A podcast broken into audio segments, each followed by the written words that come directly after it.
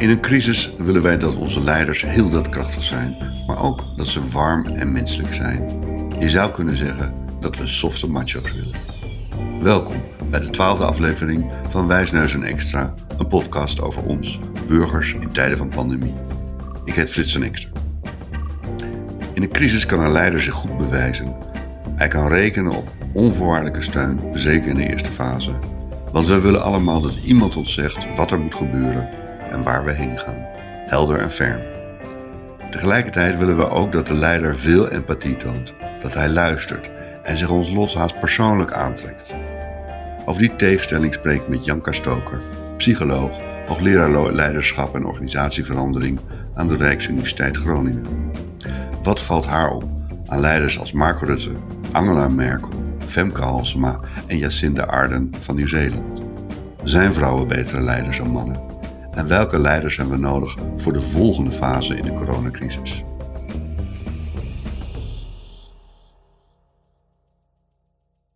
Janke Stoker, wij spraken elkaar, mm, ik geloof rond 7, op 27 februari in Groningen. Ja, net ervoor. Uh, over leiderschap. Um, en uh, nou, dat was een heel goed gesprek. Alleen daarna brak uh, de crisis los. En uh, ja, had het gesprek ook een beetje zijn uh, urgentie verloren. Ja, totaal. Ja. Uh, en nu zijn we vele weken verder. En ja, hoe gaat het met je? Ja, nou dat was nog op mijn werkkamer. Hè? Dus op, het mooie, op het mooie Zernike in Groningen. Ja. En nu zit ik al, nou sinds half maart zijn ons gebouwen dicht gegaan. zowel voor onderwijs als onderzoek. Dus voor studenten en medewerkers. Dus iedereen zit thuis. En we hebben al het onderwijs online gezet. En uh, ja, iedereen uh, worstelt zich een beetje zo goed en zo kwaad als het gaat uh, door het thuiswerken heen. Ja. En nou heb ik totaal niet klagen, want mijn kinderen zijn, zitten op de middelbare school. Dus die kunnen heel goed, die zijn heel zelfredzaam. En ik heb ook een, genoeg ruimte in mijn huis. Dus, dus zeg maar, ik heb totaal geen klagen. Maar het is wel zo dat, dat zeg maar, de, inmiddels iedereen het, het thuiswerken een beetje zat is. En ook wel dat je merkt dat het ook nou ja, allerlei hè, een beetje psychosociale consequenties gaat hebben. Dus waar, denk, waar moet je aan denken? Nou, aan eenzaamheid, aan uh, uh, mogelijkheden om uh, online onderwijs te volgen. Hè. Dus, dus kijk, denk aan studenten die op hele kleine studentenkamers zitten. Want de UB, hè, dus heel veel studenten studeren bijvoorbeeld altijd in ja. de UB. En die, dat kan nu niet, want die is ook dicht. Dus, um, dus ja, mensen hebben ook, ook minder mogelijkheden. En uiteindelijk is nou ja, studeren en werken is ook wel heel erg een sociale interactie. Dus ik denk dat wij allemaal nu kunnen constateren dat we hebben het allemaal heel braaf gedaan, dat, dat online onderwijs. Maar ja. het is gewoon absoluut sub, uh, suboptimaal. En voor je het weet denken van, oh nou dat, dat kan wel, dus laten we daarmee doorgaan. Terwijl ik eigenlijk, volgens mij moet je constateren, ja, weet je, dit is een soort, soort ondergrens is dit. Maar het is niet wat je van studeren uh, mag verwachten eigenlijk.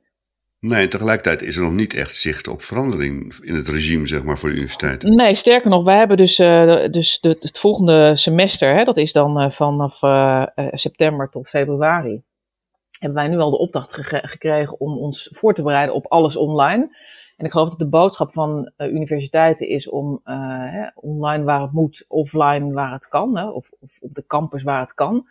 Maar je ziet natuurlijk dat het is gewoon een heleboel geregeld. Dus voor je het weet gaan we vanuit een soort van gemakzucht denken, nou ja, het kan allemaal online, dus, uh, dus dat doen we gewoon. Terwijl ik denk dat het voor, uh, nou, voor eerstejaars is het, uh, is het echt heel slecht. Want ja, die komen ja. naar de universiteit en die, die hebben geen idee. maar eigenlijk is het voor alle studenten gewoon heel slecht. Dus hoe, hoe, eerder dat ook af, af, afgelopen is, hoe ja, beter Ja, en ik denk dat we wel moeten oppassen. Want voor je het weet, kijk, je ziet bijvoorbeeld, maar dit is allemaal, het gaat een beetje buiten deze podcast op. Maar wat je bijvoorbeeld ziet, is dat er nu heel snel wordt gezegd van nou, weet je, studenten die kunnen, die kunnen nu online, dus die kunnen we uit de spits houden. Dus we gaan uh, college doen tussen 11 en 3 en na 8 uur. Dan je ook al denken, ja, weet je, onderwijs is misschien wel een van de belangrijkste dingen die wij hebben als maatschappij om, uh, om vooruit te komen. Dus hoe kan het dat we nu zeggen, laat die studenten maar lekker uit die spits blijven? Dus ik vind ook dat wij eigenlijk zelf harder te weer moeten tegen, tegen wat er nu toch een beetje sluipenderwijs ja, uh, inkomt. Van nou, dat, on, dat onderwijs kunnen we best online doen. Ja, eigenlijk kan ja. het niet. Volgens mij moeten we veel harder zeggen, ja, het kan wel, maar we willen het niet. Ja, punt gemaakt. Goed. Okay, dank je. Um, Weet dat dit komt. ja, zeker. Ik ben het ook met je eens. Um, Jij bent hoogleraar leiderschap en organisatieverandering. Ik kan me voorstellen dat, dat je ook met, uh, zeg maar, uh, handen wrijvend hebt gekeken naar het vertoon van leiderschap wat we bij het aanbreken van de crisis hebben gehad. Ja, eigenlijk nou, niet alleen bij het begin, maar ook nu. Hè. Dus dat is, ik vind het ook altijd een beetje pijnlijk om te zeggen. En ik ben er ook wat terughoudend in, want het is natuurlijk afschuwelijk zo'n crisis. En het is afschuwelijk voor de slachtoffers en voor mensen die ziek worden en voor mensen in de verpleeghuizen. Weet je, dat is allemaal het is uiteindelijk, ja, afschuwelijk. Ja, maar dan moet je altijd even erbij zeggen. Zeker. Uh, tegelijkertijd is het als je, zoals ik ben, een sociaal-wetenschappelijk onderzoeker naar het onderwerp leiderschap en verandering, is dit natuurlijk wel echt ja, een hele mooie tijd. Dus, uh, dus dat betekent ook dat je ja, niet alleen zeg maar, nou ja, naar leiders kijkt, maar ook dat je gewoon denkt, nou, dit is een heel mooi moment om onderzoek te gaan doen. Hè? Dus een van de dingen die ik uh, met een aantal collega's heb gedaan, is ook gewoon een groot onderzoek gedaan onder uh, mensen in organisaties. Nou, hoe wordt er nu leiding gegeven tijdens deze coronacrisis? En, en is dat anders? En hoe kijken we aan tegen wat voor leiders we eigenlijk willen in deze crisis? Dus het, het biedt ook voor mensen zoals ik wel heel veel kansen en mogelijkheden om dus uh, ja, leuke dingen, nieuwe dingen te doen. Snap ik. Laten we heel even naar het begin gaan. Als, als zo'n crisis uh, uitbreekt, heb jij dan een idee wat voor soort leiding we eigenlijk verwachten of hopen? Ja, nou er zijn een paar dingen die opvallen. Hè. Dus in de eerste plaats wil je dus dat, dat leiders optreden. Dus eigenlijk wordt een van, die, van, de, van de stellingen is altijd van ja, juist in tijden van, van crisis heb je, heb je goede leiders nodig. Hè. Dus je kan het als leider heel lang goed doen als het allemaal prima gaat. Dan hoef je ook niet zoveel te doen. Maar juist als er een crisis is, dan moet je er staan. Nou, ik denk dat dat wel een van de dingen is die we, die we allemaal gezien hebben. En overigens wat ook al die leiders in meer of mindere mate en in verschillende, op verschillende manieren we hebben gedaan. Hè? Ook als je kijkt naar, naar Mark Rutte bij ons.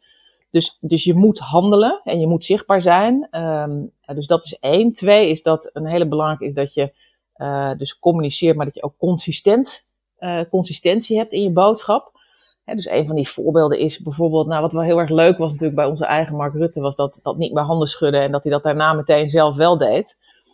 Ja, dat was nog ehm, niet het sterkste moment. Nou ja, wat grappig is, want er wordt natuurlijk, daar kan je op twee manieren tegen aankijken. Eén was het dus, kan je vanuit je voorbeeldrol zeggen, nou dat was een heel slecht voorbeeld, daarmee liet je meteen zien dat je, hoe het niet moest. Tegelijkertijd heeft het zoveel aandacht gekregen dat we daarmee allemaal wel heel erg bewust zijn geworden van het onderwerp handen schudden. Dus misschien was het achteraf ook niet eens zo heel verkeerd. Ja, maar zo doordacht was het Maar zo doordacht was het natuurlijk niet. Nee, en bijvoorbeeld, ja, je hebt ook eens een voorbeeld dat bijvoorbeeld Trump zegt van ja, we moeten nu allemaal mondkapjes gaan dragen, maar ik ga het niet doen. Weet je, dus je ziet allemaal van die leiders dingen zeggen dat je denkt, oh, ik ga het in mijn college gebruiken. Omdat het gewoon zo bijna een soort van extreem voorbeeld is dat je leiders ziet doen waarvan je denkt, ja, dit, zo, zo werkt het dus niet. Dus consistent willen, is enorm belangrijk, maar we willen, we willen kijk, we, in, in ieder geval zo dat in tijden van crisis kijken we ook allemaal, we willen dus meer leiderschap en we kijken ernaar en we verwachten richting van die leiders en duidelijkheid en we verwachten ook uh, begrip en uh, ja, iemand die nou, empathisch is. Hè? Dus al dat soort dingen, die, die willen we graag zien. Maar het mag ook wel een beetje autoritair zijn. Uh, Autoritairder dan gewoonlijk. Ja, dus eigenlijk dat hele directieve wordt ook wel uh, meer geaccepteerd. Hè? Want we zijn allemaal onzeker. Dus dan willen we ook graag iemand die ons uh, de weg wijst. Ehm, tegelijkertijd is dat ook wel nou ja, misschien een soort van gevaarlijk iets, want dat moet ook niet te lang blijven hangen. Hè. Dus een van de dingen die wij zelf ook onderzocht hebben, uh, ook na de financiële crisis en nu ook bij de brexit, is dat... Op 2008. ja. ja. de financiële crisis in 2008 en dat hebben we nu ook gedaan voor de brexit in het uh, Verenigd Koninkrijk.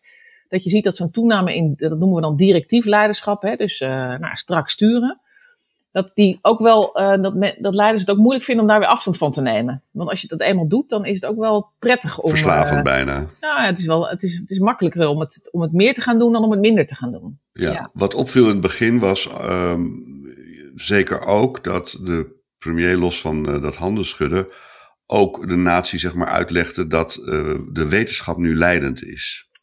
Ja, dus eigenlijk gaf hij het leiderschap min of meer, legde hij in handen van de wetenschap. Ja, nou met name in het begin was het natuurlijk heel... Kijk, aan de ene kant kan je zeggen wat is goed, zodat je zegt ik luister naar experts, hè, want ik weet het ook niet. En dat is zeker in zo'n situatie van zo'n gezondheidscrisis, uh, denk ik dat het ook heel verstandig is om te zeggen van nou, we hebben wetenschappers en die, die hebben er meer verstand van dan ik, dus daar luister ik naar.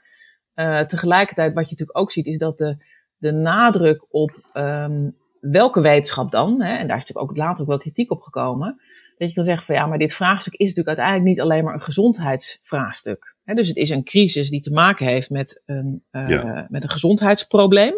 Maar tegelijkertijd kan je zeggen van ja, alle keuzes die je dan daarna maakt, die zijn natuurlijk niet alleen, gaan niet alleen maar om gezondheid, maar die gaan ook om economie en die gaan eigenlijk ook om dingen als, nou ja, kijk naar die verpleeghuizen, kijk naar de eenzaamheid ja. en de sociale isolatie. Dat gaat dus ook over allerlei, ja, je zou zeggen, sociaal-wetenschappelijke vraagstukken. En um, het is natuurlijk heel lang zo geweest dat, die, dat de, wetenschap waar hij zich door die leidde wel heel erg één kant van, het, van de situatie was. Dus dat was, nou, op een gegeven moment zijn we er ook achter gekomen dat dat natuurlijk uiteindelijk zo is. Dat sommige vragen, ja, die moet, moet je daar eigenlijk niet neerleggen. Nee, maar het, was op 16 maart, of ja, 16 maart toen ehm, was een belangrijk moment. Toen hield Rutte zijn, zijn toespraak tot de natie en dat gebeurt niet vaak. ik heb later begrepen dat zijn dat hij graag met zijn goede vriend uh, Jort Kelder uh, terug mag kijken naar de toespraak van Joop den Uyl in 1973, toen hij de natie moest uitleggen dat het land voor eeuwig van gedaante zou veranderen door de oliecrisis. En nou ja, dit was zijn, ja, want het komt niet vaak voor, dit was zijn moment om zich tot de natie te richten. Uh, begonnen ook met van, nou, ik heb geen gemakkelijke boodschap voor, voor u. Ehm, dus dat was ook een beetje in de geest van Den Uyl. Maar wat wel opviel, en zeker met terugwerkende kracht, is dat hij dus heel erg daar op die groepsimmuniteit uh, hamerde. Ja. Wat natuurlijk later toch een, uh, een vrij omstreden ja. kwestie werd. Ja. En um, ja, wat hij ook deed was um, toch proberen gerust te stellen. Dus hij zei ook van, uh, nou, het, het, kabinet zal doen wat, wat nodig is om u te steunen. We laten u niet in de steek, maar we moeten het wel met z'n allen doen. Dus hij probeerde ook een soort verbindend leiderschap te tonen. Of zag jij dat ook zo? Ja, ja nou wat ik wel, ik vond, wat ik er sterk aan vond, was inderdaad dat hij ging uitleggen dat er scenario's waren. Dus hij probeerde ons dan mee te nemen in, uh, in, in de overwegingen, zeg maar. En later heb je ook trouwens bij Merkel gezien dat hij ook gewoon, weet je, dat je er gewoon probeert uit te leggen wat er aan de hand is. Uh, dat vond ik daar wel heel goed aan. Tegelijkertijd ja, was het dus misschien achteraf gezien ook wel te vroeg voor die scenario's, omdat hij eh, uiteindelijk daar een scenario gepresenteerd heeft, wat dus, ja, wat in ieder geval tot nu toe nog steeds niet, uh, hè, niet gelukt is en waar we dus ook misschien allemaal een beetje van terug zijn gekomen, die groepsimmuniteit. Ja, het is dus ook ingewikkeld omdat je aan de ene kant, zeg maar, heel veel um, uh, een, een, zekere mate van zekerheid en geruststelling en vertrouwen wil overbrengen. Terwijl je tegelijkertijd ook moet erkennen, dat deed het ook gelukkig, ja. dat we ongelooflijk weinig weten van Ja, en dat wat ik dus heel sterk vond, en dat heeft hij wel altijd benadrukt, is van ja, ik weet het, ik weet het ook niet. Hè? Dus we varen, met, uh, we varen in de mist of we moeten besluiten nemen uh, op, op basis van 50% van wat we, zoiets met we weten niet 50% maar wat we, wat we moeten zeggen of wat we besluiten moeten nemen doen op basis van 50% informatie, zoiets. Ja. En ik denk dat dat wel heel goed is, dat je dus transparant bent in plaats van doen alsof je alles weet um, en dan daar later terug moet komen. Dus volgens mij is dat wel, daar, en daar is hij, dat heeft hij wel voortdurend benadrukt. En ook gezegd dat hij dus daarbij vaart op, uh, op wetenschappelijke expertise. Dus ik denk dat dat in ieder geval opviel in die speech. En het andere was dat hij ook wel voor zijn doen in ieder geval, hè, want weet je, hij is natuurlijk nooit van de, van de grote woorden en van de visies. En, uh, maar dat hij wel in ieder geval een soort gemeenschappelijk belang daar heel sterk heeft benadrukt. En dat ook altijd wel heeft gedaan. Hè? Dus uh, ja. Ja, dat uh, democratisch. Uh, ja, dat je zegt, we, zijn, we, we moeten voor de, de, de, sterkste schouders moeten, moeten het meeste dragen. En we moeten met z'n allen solidair zijn. Nou, sterker nog, hij, hij, hij, hij typeerde Nederland ook als een in wezen socialistisch land. Ja. Dus dat uh, alle VVD'ers vielen van een stoel, denk ik, toen ze dat hoorden. En later riep hij ook nog jongeren op om, uh, zeg maar, revolutionair te zijn. Dus er gebeurden wel hele bijzondere dingen. Ik herinner me van ons gesprek destijds, eind februari, dat je zei van ja. Ik, hè, jij maakt een onderscheid tussen twee, twee leiderstypes. De een is de, de transformationele, degene die dus eigenlijk. Um, een vergezicht, een visie heeft op hoe uh, de natie uh, met, uh, met verenigde krachten vooruit moet komen om bepaalde crisis het hoofd te bieden. Um, en de ander is meer de transactionele leider, degene die de kiezers belooft van nou, als je op mij stemt, dan zorg ik dat de belasting omlaag ja. gaan of dat de snelheid ja. op de weg omhoog gaat. Ja. En Rutte rekenen je duidelijk tot de meer het type wat meer de, de, de, de pragmaticus, de transactionele pragmaticus. Is, zag jij in die toespraak en in die eerste fase van de crisis hem toch uitstijgen boven dat.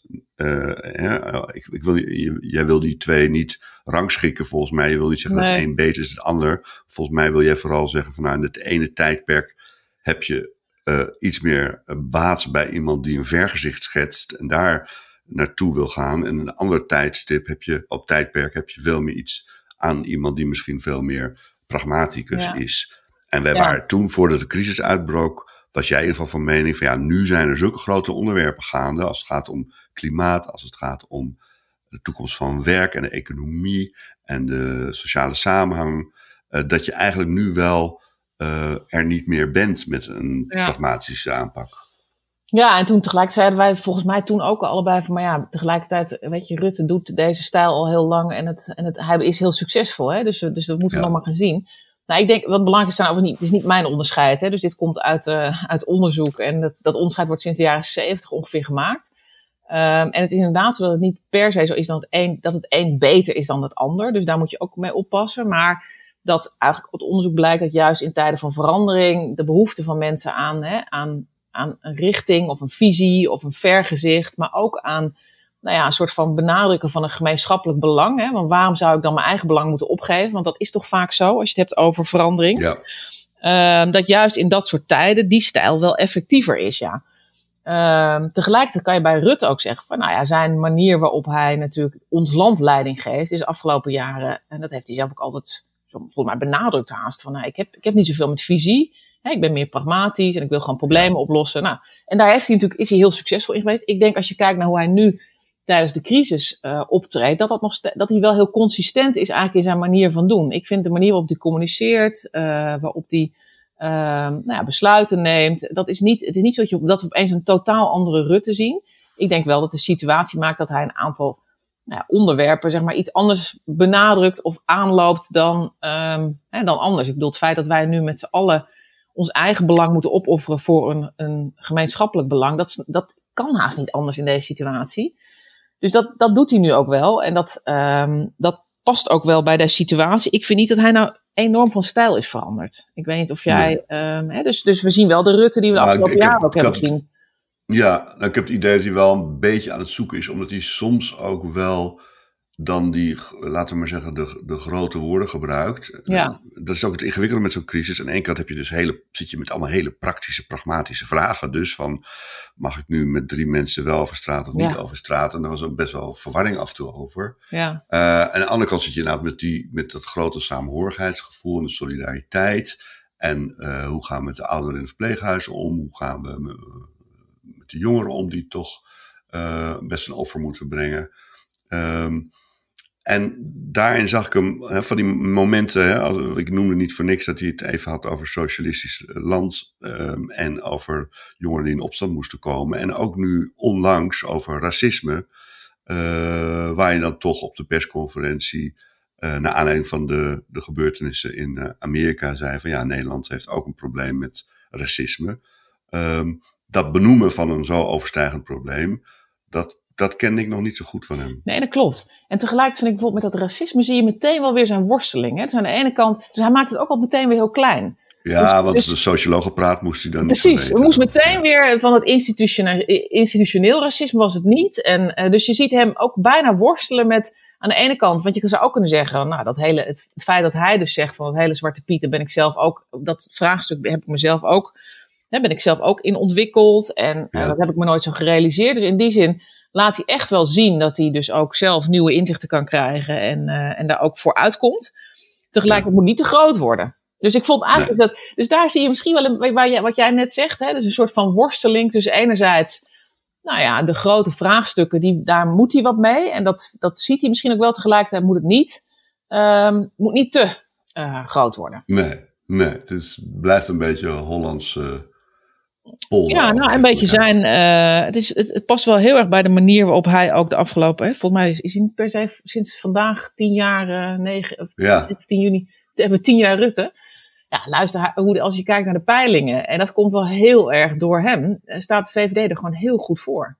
Is dat ook niet gewoon het, het de, ja, dat klinkt wat oneerbiedig, maar de crisisbonus? Ja, ja dus dat heet de, de, de rally around the flag. Hè? Dus dat zodra ja. het maar slecht gaat, dan scharen wij ons om de lijden, zoals dat zo mooi heet in het Nederlands. Ja. Uh, we weten overigens ook dat het effect tijdelijk is, want um, zodra, hè, met name dus de economische consequenties van zo'n crisis echt uh, mensen, mensen dat beginnen te voelen, dan is het ook zo dat we dat ook wel weer, dat we ook dat weer toedichten aan die leider. Hè? Dus dat wordt ook wel de romance of leadership eh, genoemd. Dat zodra er iets goed of slecht gaat, dan kijken we allemaal naar de leider. En in dit geval dus ook denken we, oh, nou wat doet hij dat goed? Maar het kan ook zijn dat we over een half jaar zeggen, oh, wat doet hij dat slecht? Dus, Zitten we eh, nu in een soort tussenfase? Hè? Want we hebben dus de, de, de eerste crisis, de grootste schrik, uh, achter ons gelaten. We, de cijfers gaan de goede kant op. We zijn langzaam, maar zeker, en het gaat eigenlijk best wel snel komen uit de lockdown. Maar goed, de kans op een tweede besmettingshaard of een tweede golf is, is natuurlijk nog steeds aanwezig. Dus wat voor fase zitten we nu in en wat voor leiderschap hebben we nu nodig? Nou, het grappige is dat wij uh, dat in het onderzoek, want we hebben dus onderzoek gedaan hè, naar, uh, uh, naar hoe, hoe, mensen leiding geven ja. tijdens, de, tijdens de crisis. En met name binnen, binnen zeg maar organisaties. In organisaties, ja, maar dat heeft wel, denk ik wel een link.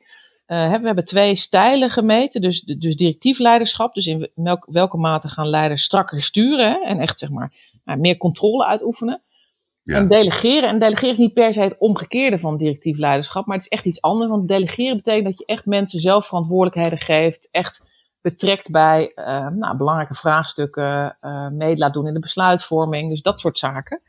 En het onderzoek laat eigenlijk een aantal uh, opvallende dingen zien. Dus in de eerste plaats zijn leidinggevenden en medewerkers inderdaad beide van mening dat leidinggevenden iets minder directief zijn geworden. En dat is natuurlijk omdat met dat thuiswerken kun je haast niet meer zo directief zijn als je, je was. Je kunt er niet letterlijk bovenop zitten. Nee, dus de situatie is gewoon echt veranderd. Maar dat we eigenlijk uh, volgens medewerkers er geen verschil is in de mate waarin leidinggevenden ook delegeren. Hè, dus verantwoordelijkheden aan hen geven. Terwijl hmm. leidinggevenden zelf zeggen dat ze dat heel erg veel meer zijn gaan doen. Echt nou, op een schaal van 1 tot 7, bijna 7. Dus die zeggen, ja, ik ben heel veel mensen heel veel meer verantwoordelijkheden gegeven. Terwijl medewerkers geen verschil vinden. En waarom is dat nou zo belangrijk? Omdat als je aan mensen vraagt van, goh, uh, in welke mate ben je tevreden met je leidinggever, maar ook uh, hoe zit het met je eigen productiviteit in deze tijd van corona? Dan zie je eigenlijk dat juist de leidinggevenden die dus wel meer zijn gaan delegeren, dat die eigenlijk het meest gewaardeerd worden. En uh, dat juist medewerkers die dat soort leiders hebben, eigenlijk zeggen van nou, mijn productiviteit is eigenlijk wel, weet je, daar gaat het goed mee. Um, dus nu even de link naar wat hebben we nou nodig. Ik denk dat als je, kijk, uiteindelijk gaat het natuurlijk heel erg om dat, dat kaders helder zijn waarbinnen we misschien moeten handelen, maar dat je dus zelf uh, verantwoordelijkheid krijgt om uh, oplossingen te vinden en om gegeven jouw eigen situatie nou ja, te kunnen handelen in deze crisis, dat dat dus heel erg uitmaakt voor mensen. En um, nou, als je dat dan vertaalt naar de politiek en ook een beetje bijvoorbeeld naar uh, hè, hoe, hoe, organisaties nou om moeten gaan met die anderhalve meter regel en met al die protocollen, dat je zegt van nou, we hebben een aantal kaders, maar daarbinnen willen we vooral ook dat mensen de ruimte krijgen om uh, zelf oplossingen te vinden. Maar dat was ook wel een mantra in de hele hè, periode sinds de lockdown eigenlijk. Die, die eigen verantwoordelijkheid tot en met uh, ook de demonstratie uh, in Amsterdam op de Dam. dat je dus die eigen verantwoordelijkheid, dat beroep op eigen verantwoordelijkheid was natuurlijk heel duidelijk. Tegelijkertijd. Ja, maar we krijgen het niet de, echt. Sorry? Nou, de vraag is of wij nou echt zoveel eigen verantwoordelijkheid krijgen. Hè? Nee, maar dat, dat beroep wordt er dus op de ja, een manier al gedaan. Dus dat als jij naar een demonstratie gaat en je ziet dat er te veel mensen zijn, dat je dan zelf denkt: oh, daar moet ik niet zijn, ik ga nu weg. In plaats van dat je wacht tot een een of andere agent of BOA je die aanwijzing geeft om weg te gaan. Dus dat, dat beroep wordt wel op je gedaan. En tegelijkertijd denk ik, ja, in die crisis heeft natuurlijk een aantal uh, enorme tegenstellingen aan het licht gebracht, die natuurlijk al waren, waar wij destijds ook over hadden. En wat in jouw oog volgens mij om een wat meer visionair leiderschap vraagt. Als je alleen al denkt aan de tegenstelling tussen mensen in vaste dienst en mensen die flex werken, dan hebben we echt een enorm uh, probleem wat ons de komende tijd nog uh, heel wat hoofdbrekers gaat kosten. En daar hoor je de leiding, om het zo maar te zeggen, nog niet heel veel over. Je hoort wel alle denktanks van de zijkant dingen over roepen, maar nog niet de leiding zelf. En dan denk ik, hebben we de ogen wel op de goede bal op dit moment? Nou ja, wat volgens mij dus heel moeilijk is voor mensen, hè, dat, eh, want leiders zijn ook maar mensen, is dat je zeg maar de acute crisis, um, dat, je, dat, je, dat er voortdurend zeg maar, korte termijn problemen zijn. Of korte termijn vragen. Of hè, iets wat vandaag moet worden opgelost, want anders, nou, vul maar in. En dat alle dingen waar jij het over hebt, dat zijn natuurlijk juist de wat lange termijn vragen. Uh, die misschien nou, wel belangrijk zijn, maar niet zo urgent als die korte termijn vraag van wat doen we nou met de vliegtuigen vandaag? Of uh, hè, hoe zit het nou precies met, uh, met het openen van de Schouwburg, noem maar wat. Dus, dus wat je ziet is dat doordat je in zo'n crisis zit, dat je ook in een soort crisismodus blijft hangen. waardoor je dus heel erg een soort oplossingsgericht wordt en heel erg korte termijn. Uh, en daar komt bij, en daar hadden we het volgens mij in eind februari ook over, dat er natuurlijk een soort verkiezingsjaar aan zit te komen. Dus dat de langetermijn oplossingen, de vraag is ook een beetje, wie gaat die dan nog voor ons verzinnen? Want we hebben een kabinet dat er nog, nou ja, nog niet eens een jaar zit straks. Nee. Um, en we, gaan, we zijn mensen die hebben zich gaan warmlopen voor de, voor de, uh, voor de campagnetijd. Dus en lange termijn is dan, Ja, en lange termijn is het natuurlijk al moeilijk voor politici, want dan vinden ze vier jaar al heel lang. Ja, maar juist nu. Hè, dus, dus als stel er zat nu een kabinet dat net in zijn eerste jaar zat, dan zou je nog kunnen zeggen, nou, we gaan nu bijsturen of uh, we, uh, we kunnen de komende drie jaar. En er moet gehandeld worden tegelijkertijd. Hebben we natuurlijk echt een probleem met z'n vieren nu. Dat ze denken, ja, maar moeten wij dat al nu met z'n vieren gaan verzinnen?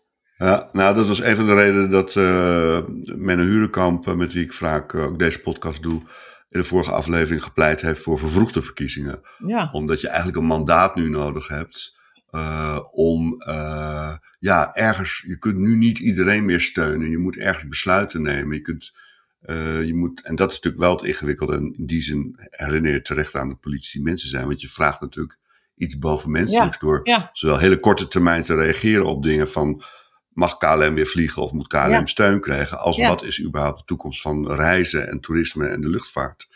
Ook in het licht van het klimaat. Dus, uh, en, tegelijk, en, en, en tegelijkertijd zijn de allerlei commissies van politieke partijen op dit moment bezig programma's te schrijven. Waarin ze toch geconfronteerd worden met de vragen die deze crisis uh, scherp oproept. En moeten verschillende uh, partijen ook gaan nadenken over ja, wie moet straks onze leider zijn. Precies. Precies, dus eigenlijk is het zo dat je dat van dit kabinet misschien wel, eh, eh, in een heel ideale wereld zou je misschien wel willen, maar ik denk dat het, dat het bijna onmogelijk is om nu van deze groep mensen te bedenken om dat nu te gaan doen. Nee. Dus, dus van deze mensen kun je verwachten dat ze nu... van de partijprogramma's, denk ik. Ja, en van uh, mensen die dat gaan dragen. Ja, ja. Uh, want, want denk je dat... Uh, want D66 moet een leider kiezen, het CDA moet een leider kiezen, Rutte moet zelf nog bedenken of hij doorgaat. Ja, het PvdA is ehm, eigenlijk een van de weinigen die het al uh, die dit, dit, dit eigen gelegd heeft. Hè? Ja, en ik denk dat Forum voor Democratie ook wel. En, en zelfs de PVV wel. zeker zijn van wie de leider wordt. Maar um, denk je dat die, uh, dat, dat, hè, die worden dus eigenlijk op het schild gehezen door uh, partijleden, de congressen. En vervolgens doen ze mee aan de verkiezingen en dan kiezen wij. Denk je dat wij leiders kiezen op grond van een leiderschapskwaliteit? Nee, nou in Nederland hebben we natuurlijk sowieso uh, de, de figuur dat wij dat we partijleiders hebben, maar dat we niet voor minister-president kiezen. Hè. Dus het is heel interessant om te zien dat D66 natuurlijk nu met die hele Sigrid Kaag van we willen een vrouwelijke minister-president. Ja. Uh, een beetje voorbij gaat aan het feit dat um, de eerste. niks te kiezen is. Uh, nee, precies. Maar goed, maar dat terzijde. maar wat, wat in ieder geval zo is, dat zeg maar dat we, als je kijkt naar, uh, naar campagnetijd, dat we dan in ieder geval dingen, kwaliteit in leiders zien die wel echt iets anders zijn dan wat je misschien uh, van leiders verwacht als ze eenmaal op die positie zitten. Hè? Dus, dus selectie van leiders, juist bij de politiek, um, is iets waar, uh, waarvan je zou kunnen zeggen dat is eigenlijk best wel gek, want dan letten we op allerlei dingen die ze misschien dan laten zien of goed kunnen. Terwijl de vraag is, is dat nou ook de kwaliteit die je dan nodig hebt als je eenmaal nou, minister-president bent of, of minister? Want dan gaat het natuurlijk eigenlijk om of je inhoudelijk uh, een aantal zaken goed kunt. Nou, die zien we allemaal niet tijdens die campagnetijd. Bovendien zien we vaak alleen maar de, de politiek leider en die gaat soms ook gewoon de Tweede Kamer in. Dus voor een deel is wij op leiders, uh, naar leiders kijken in campagnetijd en dan op iemand uh, stemmen. Terwijl de vraag is, maar is dat nou uiteindelijk iemand die ook een land kan besturen? Ja, dat is op de ene manier in campagnetijd is dat kijken van andere dingen. Ja, die eigenlijk niet zoveel verband houden met wat er daarna gebeurt nou, niet per se hetzelfde zijn. Hè? Dus, uh, uh, dus wij hebben, er is heel veel onderzoek gedaan, bijvoorbeeld dat je eigenlijk op basis van iemand zijn gezicht al kunt voorspellen wie verkiezingen wint. Hè? Dus, dus het gaat oh ja, hoe werkt dat dan? Nou, het is niet het meest, uh, meest vrolijkmakende onderzoek, maar er is uh, onderzoek gedaan door een aantal onderzoekers, ook bijvoorbeeld gezichten aan kinderen voor te leggen. En eigenlijk gewoon gevraagd van, goh, wie zou je kiezen van deze twee? zonder dat je weet voor welke partij ze zijn of voor welke standpunten ze staan. En dan zie je dat mensen toch heel goed kunnen voorspellen eigenlijk. Of in ieder geval de, de leider, de persoon kiezen die ook uiteindelijk heeft gewonnen. Um, dus met andere woorden, wij letten ook op allerlei zaken um, als we op mensen gaan stemmen die er uiteindelijk totaal niet toe doen. Maar die wel heel belangrijk zijn voor onze keuze. Dus ziet er iemand, uh, iemand ja. eruit als een leider? Ja. En is dat een heel stereotyp uh, beeld, uh, wat we dan van een ideale leider hebben? Nou, dat, dit gaat echt om gezichten. Hè? Dus dit gaat echt om. Uh, ze, ja, nou, uh, uh, kaaklijn. Ja, precies. Dus de, een, van de dingen is, een van de dingen is hoe inderdaad, hoe, hoe is je kaaklijn? Of hoe is de WFH-ratio noemen we dat? Dus dat is een soort ratio tussen je kaak en je, de afstand tussen je neus en je mond. Ehm, maar bijvoorbeeld ook hoe competent, hoe competent ziet iemand eruit. Hè? Als iemand een beetje een, een babyface heeft, dan dat is niet goed. Nou, betrouwbaar, dat zijn allemaal dingen waar we op letten bij, uh, bij gezichten. Aantrekkelijkheid ook. En dat zijn allemaal dingen die uiteindelijk niks met, um, wat zei je, man of vrouw? Man of vrouw? Ja, nou, die, nou wat, wat je eigenlijk ziet is dat die, die studies gaan altijd over paren. Hè? Dus, uh, als je mensen dan oh. weer een man of een vrouw voorlegt, dan denkt iedereen meteen bij oh, hier zit wat achter, laat ik die vrouw maar kiezen. Dus, dus maar als je kijkt naar, dat geldt zowel voor mannen als voor vrouwen, dit. Alleen we hebben nooit de, de, de, hè, man tegen vrouw, dat is een beetje moeilijk met dit soort studies. Maar, uh, maar hè, dus, je, dus hoe je eruit ziet, um, bepaalt ook of wij op je stemmen of niet. En dat is natuurlijk, dat heeft dus uiteindelijk denk je een beetje, ja, nou ja, gezicht zegt natuurlijk niet echt iets over jouw competenties. Maar het is wel belangrijk voor hoe wij uiteindelijk jou beoordelen. Ja. Nee, want ik vraag het ook omdat jij veel uh, onderzoek ook hebt gedaan en veel belangstelling hebt voor het, het denken over uh, vrouwelijk leiderschap. Ja. En um, dat in deze crisis en um, er natuurlijk op gewezen is dat sommige landen die, waar een vrouw aan het hoofd van de regering staat, het beter lijkt te doen in de crisis dan andere landen. En volgens mij heb je daar, ja, je verschrijft vaak in het Financieel Dagblad met je compaan uh, Harry. Ja. Maar ook volgens mij heb je dit ergens anders, ik dacht in de Volkskrant gezegd, dat je dat echt uh, onzin vindt. Ja, nou om twee redenen eigenlijk. Eén is dat het dus een hele kleine groep is. Hè? Dus dan hebben we drie vrouwen die het goed doen en drie mannen die het slecht doen. En dan zeggen we opeens, kijk eens, wat zijn vrouwen toch betere leiders in de crisis dan mannen.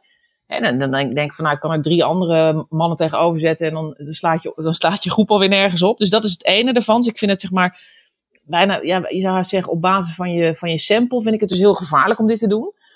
Uh, en twee is, ja, als die vrouwen het dan beter doen, dan is dat dan omdat ze dat als vrouw zo anders doen. En ook omdat ze vrouw zijn. Hè? Dus wat je eigenlijk doet op deze manier weer naar vrouwelijke en uh, mannelijke leiders kijken, is heel erg stereotyperen van de verschillen. Terwijl eigenlijk als een van de dingen, een van de belangrijkste dingen die uit onderzoek blijkt, is dat er niet zulke hele grote verschillen zijn in de manier waarop mannen en vrouwen leiding geven. Dus um, uh, als je kijkt naar, naar uh, onderzoek, dan zie je dat vrouwen vaak iets beter leiding geven dan mannen. Maar dat zit dan eigenlijk op alle actieve leiderschapstijlen. Dus dat zit dan op, uh, nou ja, zeg maar, he, een beetje empathisch zijn of sociaal invoelend zijn. Maar dat zit ook op directief zijn bijvoorbeeld. Dus je ziet eigenlijk dat vrouwen vaak betere leiders zijn dan mannen. En dat is dan weer niet omdat ze vrouw zijn, maar, en daar komen we eigenlijk op het andere punt, het voor vrouwen gewoon lastiger is om op een leidinggevende positie terecht te komen. En ook om daar uh, te blijven, omdat we uh, hele stereotype beelden hebben van wat goede leiders zijn.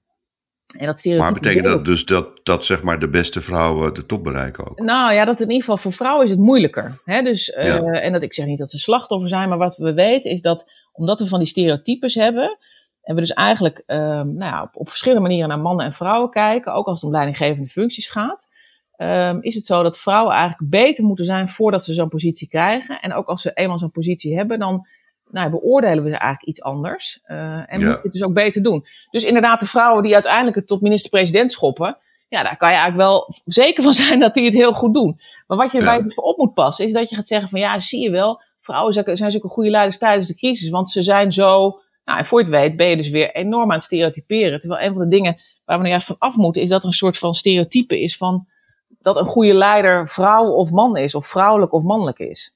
Kun je daar nog onderscheid in maken tussen zeg maar, wat een leider daadwerkelijk doet, besluit, of hoe die, uh, weet ik veel, uh, bepaalde maatregelen uitvoert, of hoe dat overkomt? Um, ik denk bijvoorbeeld ook even aan um, het contrast misschien tussen, ja, misschien een beetje vreemd, maar Jacinda Ardern van Nieuw-Zeeland. Ja. Die dus, uh, nou, uh, Nieuw-Zeeland was er vroeg bij met, met vrij vergaande maatregelen. Ja. En zou mogelijk als gevolg daarvan uh, nu coronavrij voorlopig ja. kunnen zijn. Um, en zij is over de hele wereld een soort idool geworden maar ook wel, tenminste dat is dan misschien mijn uh, mannelijke bevoordeelde blik, door een hoog aardbaarheidsgehalte. Ja. Door dus op Facebook uh, enorme huiselijke filmpjes te verspreiden, ja. waardoor ze heel erg dichtbij ja. kwam. Want normaal weet ik eigenlijk niet wie de Nieuw-Zeeland premier is, maar nu wel. Ja, dat is ook omdat ze vrouw, dus ze valt op. Nou ja, wat, wat ik mooi vind aan haar is dat, kijk, eigenlijk wat zij laat zien is een combinatie van uh, van daadkracht. Hè? En ook echt zeg maar, harde maatregelen nemen, wat je dus heel masculien zou kunnen noemen. En tegelijkertijd uh, is ze ook heel empathisch. Hè? Dat hebben we al een aantal keer eerder met haar, bij haar gezien, ook bij die terroristische aanslag. Dat ze gewoon heel, heel veel gevoel, ja. ze heeft heel veel gevoel voor anderen en dat laat ze ook zien. En dat zou je meer uh, feminien kunnen noemen. Dus wat zij laat zien is eigenlijk een combinatie van masculine kenmerken en feminine kenmerken. En uh, het leuke is dat die twee elementen, ook als je mensen gaat vragen van, goh, beschrijf eens jouw leidinggevende en, en wat, wat geef je die persoon voor rapportcijfer, dan is het, dan is het die leider die altijd de hoogste cijfers krijgt. Dus als je aan mensen vraagt, wat vind je goede, hè, is jou, wat is jouw leider voor persoon en hoe goed vind je die? Dan zijn we altijd het meest blij. Dat onderzoek heb ik, dat wordt al jaren gedaan. Ik heb het zelf nu ook voor de derde keer gedaan, net weer. En dan zie je eigenlijk dat mensen dat waarderen. Dus mensen waarderen leidinggevende die duidelijk is, die richting geeft, die daadkrachtig is, maar die ook nou ja, jouw gevoelens begrijpt, empathisch is, warm, hartelijk, sympathiek. Dus eigenlijk laat zij zien, um, die combinatie der dingen, um, wat, wat we ook, waarvan we weten dat we dat, dat dat uiteindelijk ook de leiders zijn die wij waarderen. Tegelijkertijd, en dat is het grappige, hè, want als je het zegt van, goh, wat, en wat, wat zoeken we eigenlijk? Als je dan aan mensen gaat vragen van, beschrijf nou eens een goede leider. Hè, dus wat is nou het stereotype van een goede leider? Dan komt er eigenlijk dus altijd vooral dat masculine uit. En veel minder dat feminine. Dus we hebben een stereotype beeld van een daadkrachtige, hè, een goede leider is iemand die met de vuist op tafel staat en beslissingen neemt. En dat spoort dus niet met wat onze eigen ervaringen zijn, maar kennelijk is dat dus een heel hardnekkig beeld van wat een, hoe een leider er ah, eigenlijk uitziet. Dus je hoort, je hoort ook een beetje te zeggen van een leider die moet daadkrachtig zijn, maar diep in je hartje wil je natuurlijk ook graag uh, dat een leider je een soort warm gevoel geeft of empathisch ja, dus, Ja, dus eigenlijk zou je kunnen zeggen dat stereotype, dat klopt nog steeds niet helemaal met wat we eigenlijk zelf weten dat goede leiders zijn. En hoe past Angela Merkel in dat verhaal? Nou, wat ik, wat ik wel leuk vind van haar is dat zij, uh, zij is misschien heel lang een beetje allebei niet geweest. dus, eh, dus ik denk dat zij het begin heel erg geprobeerd heeft om in ieder geval deskundig uh, te zijn. Dus niet heel, niet heel erg masculin, ook niet Zij heel moest zich natuurlijk een plaats veroveren tussen al die Ja, want als vrouw, dus, dus even, want, want wat is wel grappig is, want je, wat, wat je dus goed begrijpt, is waarom het voor vrouwen dus zo lastig is, is omdat vrouwen dus per definitie eigenlijk niet worden gezien als heel masculin. Dus die worden eigenlijk dus per definitie niet gezien als een goede leider. En daar komt nog bij, waarom wordt het, is het voor vrouwen lastig? Omdat we ook een stereotype hebben over wat een, een goede vrouw is en wat een goede man is. Maar in ieder geval voor een goede vrouw geldt dat ze zorgzaam is en hè, bescheiden en warm en invoelend. Dus al die feminine kenmerken heeft. En zolang dus die twee eigenlijk heel erg um, incongruent zijn of niet met elkaar in lijn zijn, is het dus voor vrouwen lastig omdat je altijd op die twee dingen wordt beoordeeld. Dus stel je bent heel daadkrachtig, nou denk aan Margaret Thatcher, en dan vinden we de ja. manwijf en denken een beetje, ja, maar ze is wel heel, ja, het is eigenlijk geen echte vrouw. En andersom, als iemand dus heel warm en invoelend is, denk je een beetje, ja, maar ze kan geen beslissingen nemen. Het is niet een goede leider. Dus, um, ze waait te veel met alle winden mee. Ja, bijvoorbeeld. Of ze durft niet te besluiten. Of ze is ja. twijfelachtig. Of uh, ja. ze, is te, ze is te emotioneel. Wordt ook heel vaak gezegd. Hè? Ze is echt ja. een vrouw. Heel emotioneel. Nou, dat zeggen um, mensen niet vaak over Angela Merkel. Nee, dat zeiden mensen in het begin. Dus wat ze, ik denk dat Merkel, maar zonder dat misschien dat ze het weet, maar dat hij dus heel erg gedacht heeft in het begin, nou, ik moet vooral niet emotioneel en, uh, en misschien is het ook wel niet, maar hè, dus, dus in ieder geval niet feminien zijn. En ik denk ook niet dat zij heel erg uh, masculien uh, gedrag heeft, maar een beetje daartussenin is gaan zitten. En wat ik vind dat je, wat je daarna steeds meer bent gaan zien, is dat zij wel steeds meer ook bijvoorbeeld een visie heeft gehad hè, op, uh, op de vluchtelingencrisis Zeker. en ook nu. Dus dat ze wel steeds meer in haar rol is gegroeid nadat ze geaccepteerd was als leider. Ja, en zij durft ook uh, veel meer dan, uh, dan, en misschien ook wel tot verdriet van Marco Rutte, te zeggen: er is geen toekomst zonder Europa. Ja. Dat is toch een statement die zo helder is, ja. um, ook in als consequenties. Maar dat, dat is iets waar Mark Rutte dan voor terugschrikt. Ja, en je zou kunnen zeggen, Rutte zit er ook al tien jaar. Die heeft zijn sporen inmiddels ook verdiend. Maar zij is natuurlijk toch wel heel erg iemand die dus ook... Ja, ze was uh, eigenlijk ook al een beetje afgeschreven. Ja, maar het grappige is, dat was natuurlijk bij Obama ook zo. Hè? Dus dat wordt wel eens uh, de, de lame duck, uh, als, als lame duck gezien. Dat je dus de laatste anderhalf jaar van je, van je termijn, dat je dan een een, ja. een aangeschoten één bent, dat je denkt, nou, die kan toch niks meer, neem me niet meer serieus. Terwijl Obama bijvoorbeeld in de laatste twee jaar dus nou, bijna bevrijd was.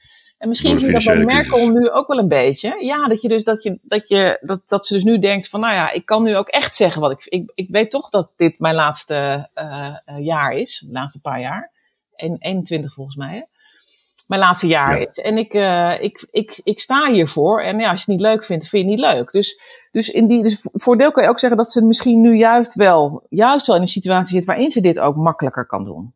Ja, nou dat zou, dat, dat dat geldt er kennelijk niet voor Rutte. Die wilde kennelijk misschien toch nog door. Nou, ik denk dus eigenlijk, dat we mogen het nog niet zeggen, Frits. Maar ik denk eigenlijk dat je die conclusie misschien op basis daarvan wel zou kunnen trekken. Ja, ja, ja dat is interessant. Nee, nog even terug naar Obama. Die begon natuurlijk met de financiële crisis. Mm dat, dat, dat was zijn lakmoestest. En daar moest hij dus... Uh, het hoofd aan zien te bieden met uh, ongekende maatregelen. Maar wat heeft hij dan in die laatste fase van zijn tweede termijn um, in jouw herinnering? ja, ik heb daar toen waar het bleek die. die... Een stuk erover geschreven. Toen hadden we een aantal voorbeelden. Nou, volgens mij rondom de klimaatcrisis. En toen heeft hij gewoon een aantal van die hele grote statements gemaakt. Hè, van wat hij belangrijk vond. Ja. En um, uiteraard is het zo dat je bij, hè, dus is zo'n uh, zo'n zo'n index voor Amerikaanse presidenten die heel erg gaat over wat hebben ze nou uiteindelijk bereikt. En voor een deel is dat hele, het verschil tussen enerzijds zeg maar een visie en een verhaal hebben en anderzijds moeten we natuurlijk mensen ook afrekenen op hun daden en resultaten. Maar ik weet wel dat hij die laatste twee jaar wel heel erg geprobeerd heeft. Volgens mij ook Parijsakkoord, maar ik zou eigenlijk dat stuk even weer bij moeten halen. Maar dat dat toen wel echt zo was dat, je, dat hij echt zeg maar stelling durfde te nemen. Veel meer dan in het begin van zijn, uh, van zijn tijd als uh, president. Ja, hey, tot slot. Um, uh, even over de burgemeester van Amsterdam. De vorige burgemeester, Ebert van der Laan, uh, was zeg maar binnenkamers gold hij als een zeer directieve man. Uh, maar voor de Amsterdammers was hij dus een hoog knuffelbaar, ja. feminien type, ja. zou je kunnen zeggen. Ja. En ja, zijn, zijn dood hakte er behoorlijk ook in bij de bevolking. En dan zelfs buiten de stad en bij alle lagen. En dat, dat gevoel roept Femke, de burgemeester nu, Femke Halsema, niet op.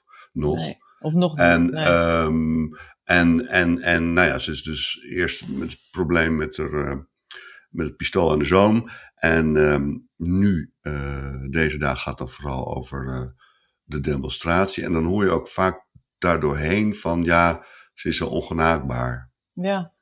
Nou ja en, en, alsof mensen willen dat ze een soort emotioneel. Ja statement daarover afgeeft. Ja, nou ja, dat is wel grappig. Dat dat, eh, want dat is dus bijvoorbeeld waar Clinton, ik weet niet of je die, die serie ook gezien hebt over Hillary Clinton. Ja. Maar wat dus bij vrouwelijke leiders wel echt vaak ingewikkeld is, dat je dus niet te veel emotie moet laten zien, want dan ben je af als leider. Hè? Dus wat ik net uitleg, is dat dat hele, dus emotie en uh, sensitief zijn of gevoelig zijn en dat dat dus voor een vrouw als leider een, een ingewikkelde opgave is. Want als je dat te veel laat zien, dan denken we dat je, dat je wankel bent. En dat je dus emotioneel bent. En leiders moeten stabiel zijn. En moeten hè, onwrikbaar zijn. En dus voor een vrouw, om, dus als man is het eigenlijk veel makkelijker om je emoties te laten zien. Dan, dan is het eigenlijk iets wat we extra waarderen. Terwijl bij een vrouw gaan we dan twijfelen over haar leiderschapskwaliteiten. Ja. En um, nou kan ik niet, ik bedoel, en dan is Femke Hals natuurlijk weer NS1. Maar in algemene zin is het dus zo dat vrouwelijke leiders, dat het voor hen moeilijk is om een balans te vinden tussen ben ik een goede leider en ben ik een goede vrouw. En de oplossing die vrouwelijke leiders dan vaak kiezen, is om dan in ieder geval maar een goede leider te zijn. Want als je namelijk heel erg de goede vrouwkaart gaat spelen, dan ben je als leider af. En dat is uiteindelijk wat je beroep is. Dus, ja. dus je ziet dat je, als je, je moet, moet kiezen, kiezen tussen kwaad dan ga je natuurlijk kiezen voor die leider. Dan ga je niet een beetje al het vrouwelijke zitten te benadrukken. dus dat is wat Clinton bijvoorbeeld ook heel erg gedaan heeft, eigenlijk uh, twee keer in uh, haar poging om. Uh, om kandidaat te worden. Eerst voor kandidaat tegenover Obama en toen daarna dus uh, hè, kandidaat namens de Democraten. En dat is dus bijna onoplosbaar. Ja. Dus als jij zegt dat ze ongenaakbaar is, dan denk ik, ja, nou, bij heel veel, heel veel mannelijke, nou even afzien van Ebert van Laan, daar was het dus een pluspunt. Maar bij heel veel mannelijke leiders denken we helemaal niet. Prima. Hoe, emotioneel is Jan van Zanen? Nou, misschien wel een aardige man, maar weet je, snap je dus? Maar bij vrouwen wordt het meteen dat we denken, oeh, ze is wel heel emotioneel. Zeg. En emotioneel ligt dicht aan tegen labiel. En nou ja, dat wil je niet dat leiders zijn. Dus het is gewoon een ingewikkeld, het is, het is voor vrouwen ingewikkelder. Ja, ik begrijp het. Dus eigenlijk zou je voor de komende verkiezingen wensen, afgezien van dat je vooral je toch laat leiden door wat partijen inhoudelijk willen en hoe ze de grote vragen van de komende tijd aan willen pakken, dat ze geleid worden door ja, behoorlijk androgyne types. Ja, en mensen dat is, met, nou ja, uh, met de juiste. Wat je, dus, nou ja, wat je dus eigenlijk wilt, goed, we gaan het nu hebben over uh, misschien een, een, on, onre, een, onrealistisch ideaal. Maar eigenlijk wat je dus zou willen, is dat als dat ideaalbeeld of het stereotype van uh, wat een goede leider is, hè, als dat nou iets meer wordt dat we zeggen, nou uiteindelijk zijn goede leiders zijn allebei. Namelijk, die zijn daadkrachtig en die kunnen richting geven, maar die zijn ook empathisch.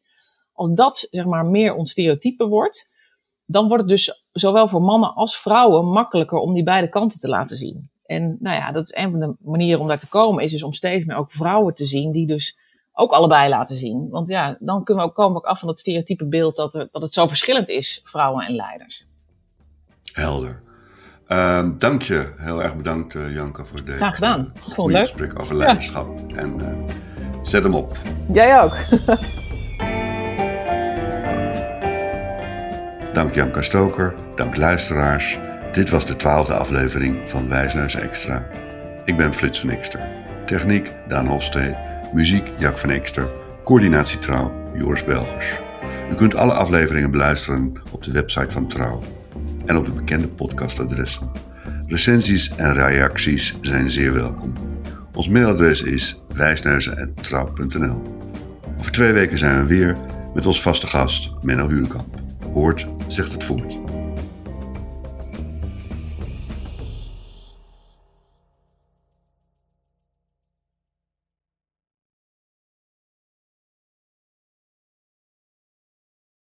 We worden dagelijks overladen met overbodige informatie. En het is moeilijk de zin van de onzin te scheiden. Daarom vertrouw ik op echte journalisten in plaats van meningen. Een krantenmens heeft het gemakkelijk. Word ook een krantenmens en lees je favoriete krant nu tot al zes weken gratis. Ga snel naar krant.nl. Bezorging stopt automatisch en op deze actie zijn actievoorwaarden van toepassing.